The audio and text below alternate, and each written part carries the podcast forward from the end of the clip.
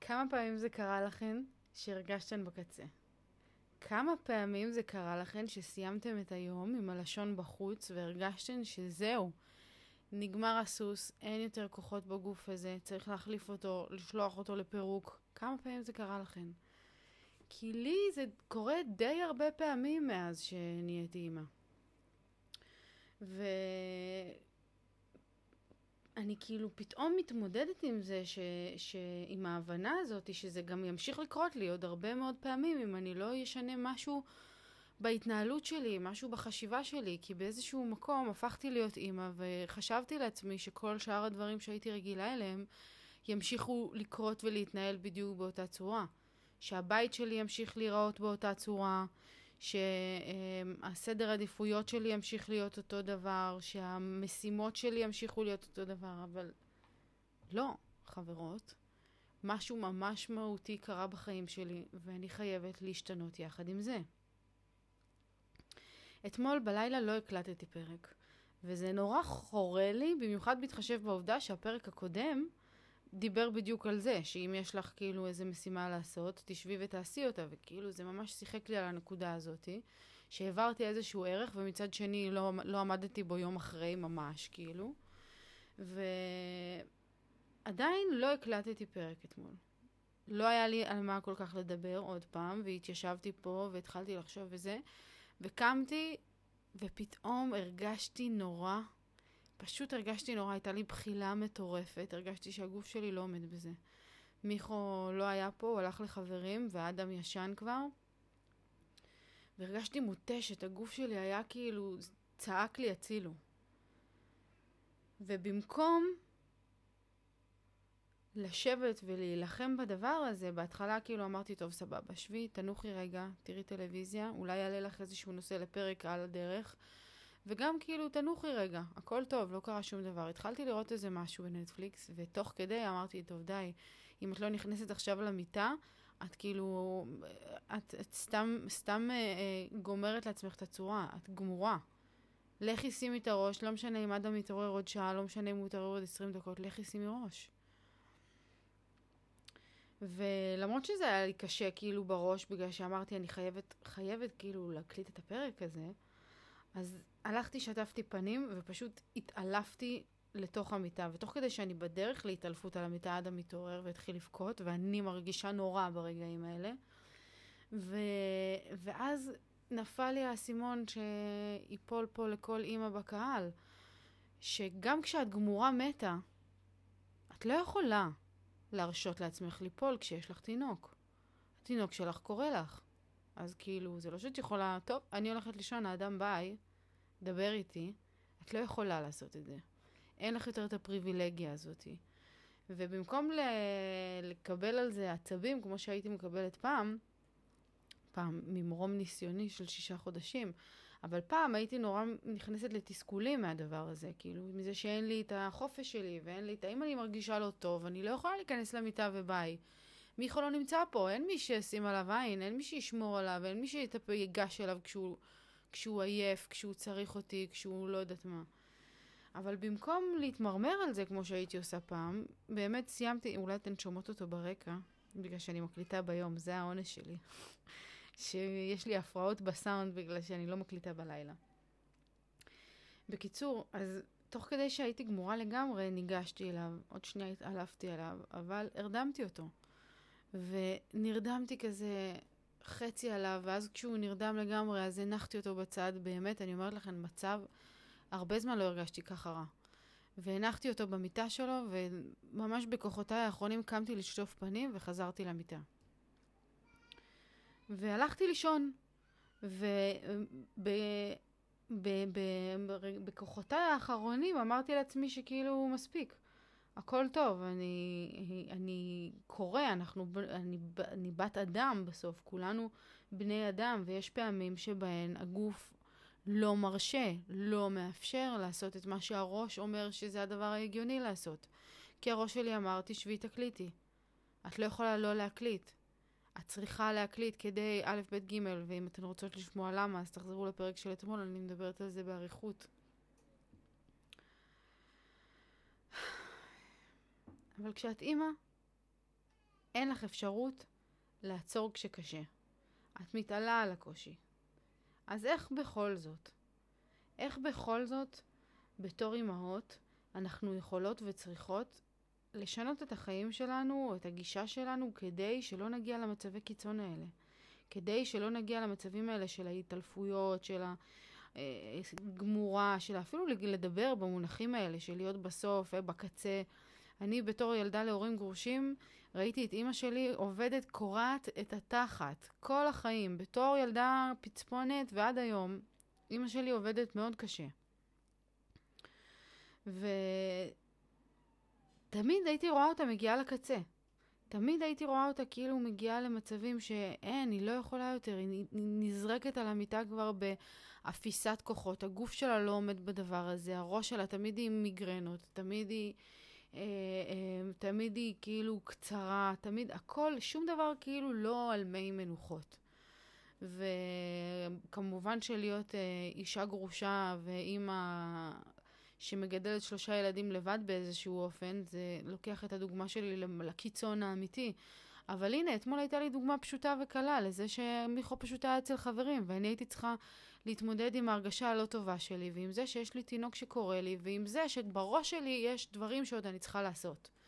ושהבית עוד לא מסודר, ואיך אני אלך לישון שהכל ככה ברדק. אז בגלל שכבר זה היה באמת הפינאלה, לא היה לי יותר מדי זמן לחשוב מחשבות, כי פשוט התעלפתי לתוך המיטה. אבל בבוקר כשקמתי, או נגיד כשאדם העיר אותי לקראת הבוקר, בסביבות חמש, שש, משהו כזה, אז המחשבות הראשונות שעלו לי זה, שיט, לא הקלטתי, אולי אני אקום עכשיו, ואני לא מצליחה לקום. אני לא מצליחה להזיז את עצמי, כאילו, הגוף שלי עדיין צריך מנוחה אמיתית. אז בתוך כל התסכול הזה והמרמרת הזאתי של החיים בתור אימא, שעם כל כמה שהם יכולים להיות מדהימים, הם גם יכולים להיות נפילה שחבל על הזמן, חשבתי על ארבע דרכים שונות שבהן אנחנו יכולות לעזור לעצמנו ללמוד לשחרר, להקשיב לגוף שלנו, ולא להגיע למצבי קיצון האלה כל כך הרבה פעמים. או אני לא אגיד לצאת מהם לחלוטין, אבל באמת ל... ל, ל להפחית את התדירות, להנמיך אותה, להגיע למצב שזה קורה לנו אחת ל, ולא המון המון פעמים. אז הדבר הראשון שאנחנו צריכות אה, אה, לעשות, זה קודם כל להכיר בעובדה שעזרה זאת לא מילה גסה.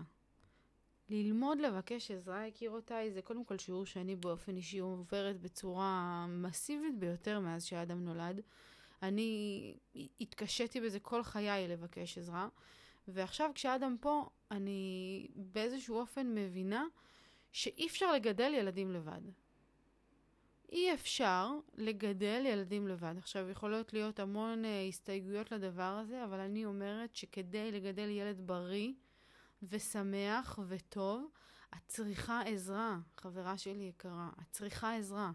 בין אם זה um, אימא, חמה, או, או הבן זוג שלך, או אם אין לך אף אחד מאלה שזמין ויכול ולא יודעת מה, מוכן לעשות את הדברים האלה, אז תבקשי עזרה מחברות. ואם אין לך חברות, או בן זוג, או משפחה שנרתמים אלייך כשאת צריכה את העזרה הזאת, אז קודם כל תבדקי מי החברים שלך, מי המעגל שלך, ותתחילי לעשות שם שינויים ועדכונים דחוף, אבל. ודבר שני, יכול מאוד להיות שאת פשוט לא יודעת לבקש את העזרה הזאת. יכול מאוד להיות שזה שאת לא יודעת להוציא לידי ביטוי במילים את מה שאת צריכה, מונע ממך לקבל את העזרה.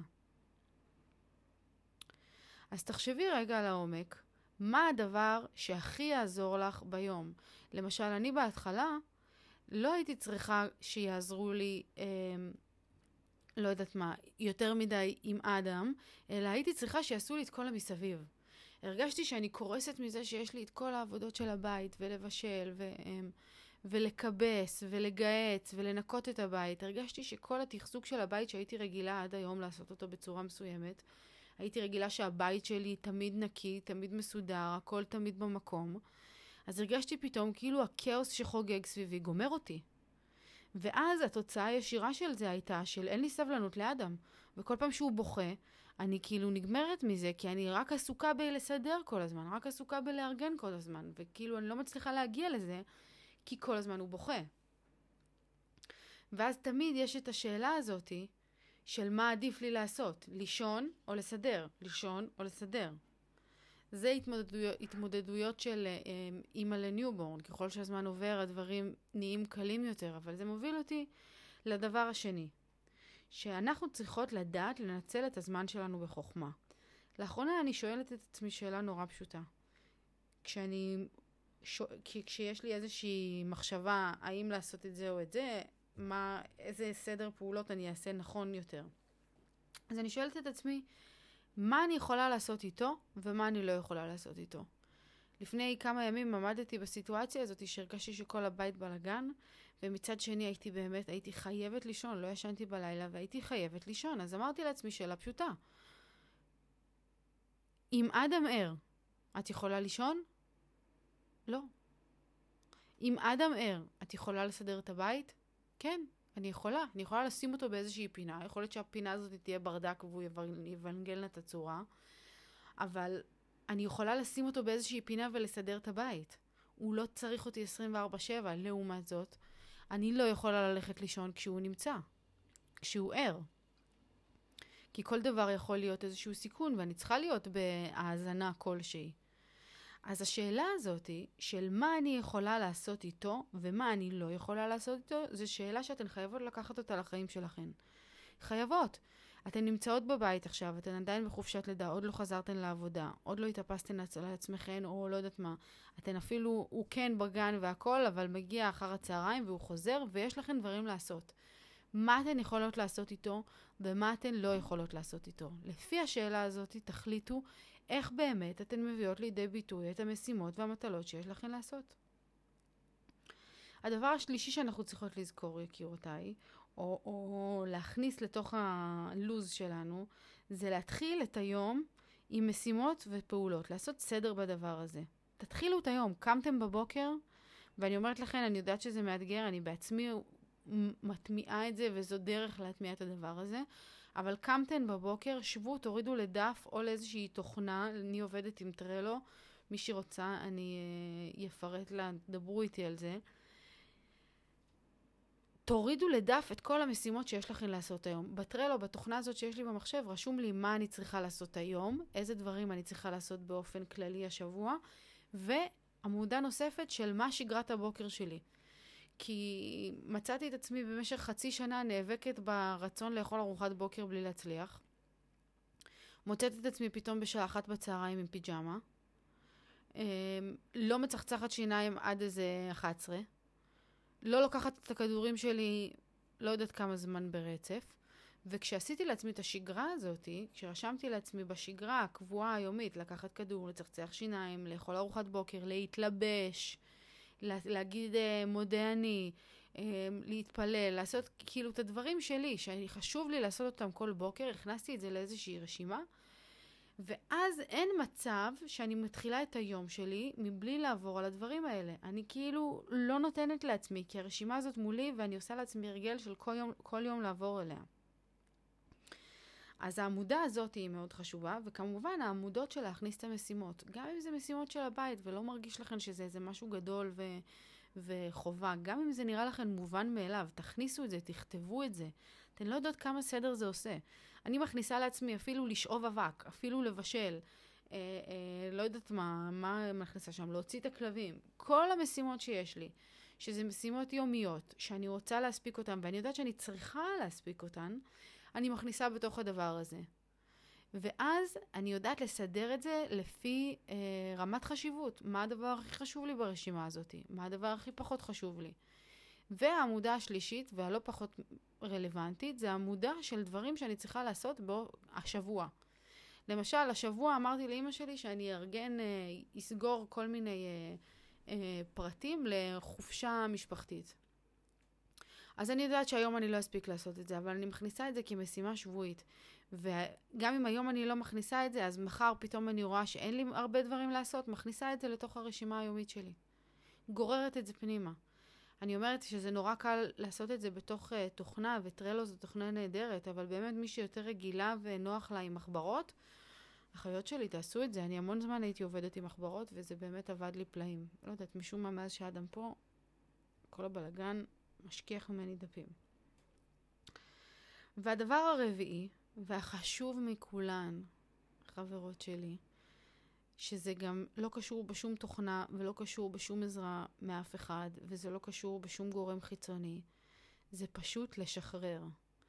אנחנו צריכות לקבל את העובדה שלא הכל ייראה כמו שאנחנו רוצות או רגילות, וזה לא אומר עלינו כלום, וזה לא אומר שמחר לא יהיה יותר טוב. אם היינו רגילות שעד היום החיים שלנו היו נראים בצורה מסוימת, שההרגלים שלנו היו מסוימים מאוד, שהבית שלי היה נראה בצורה מסוימת, שהזוגיות שלי הייתה נראה, נראית איכשהו, שאפילו הפנאי שלי לעצמי, זה שאני עושה פדיקור אחת לשבועיים שלושה, זה קבוע, וזה שאני עושה מניקור, ו... אם הייתי רגילה שהדברים האלה קורים, כדי שאני אחיה בשלום בחיים החדשים שלי בתור אימא, אני חייבת לשחרר.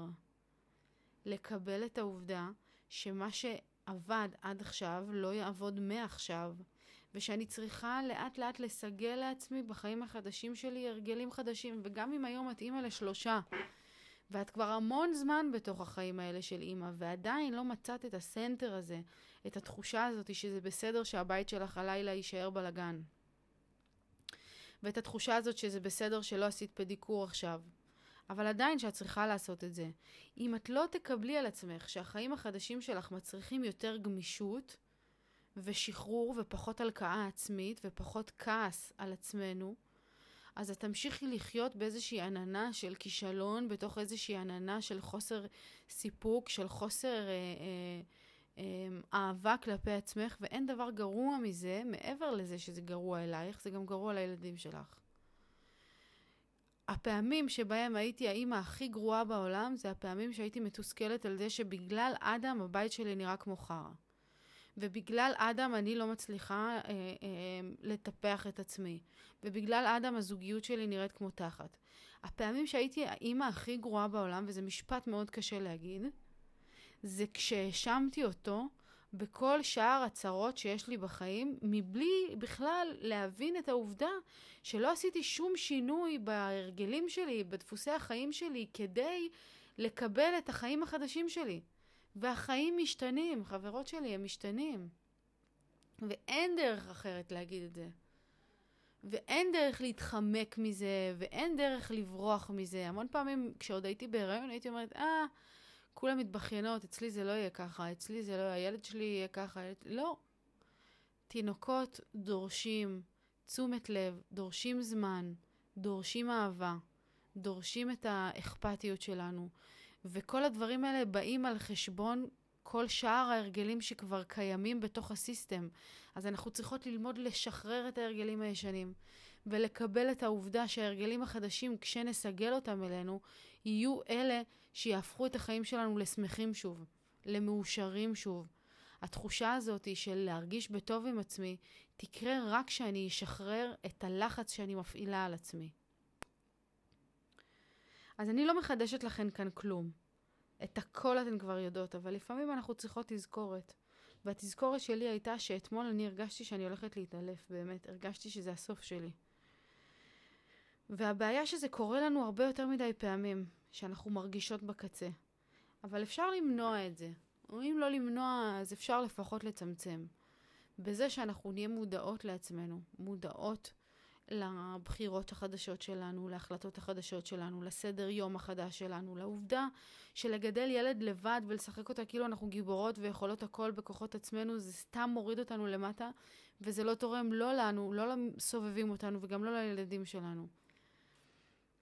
מעבר לזה, מאוד מאוד מאוד חשוב לזכור שבתוך העולם החדש הזה שאנחנו חיות, רק אנחנו נדע איך לשפר אותו.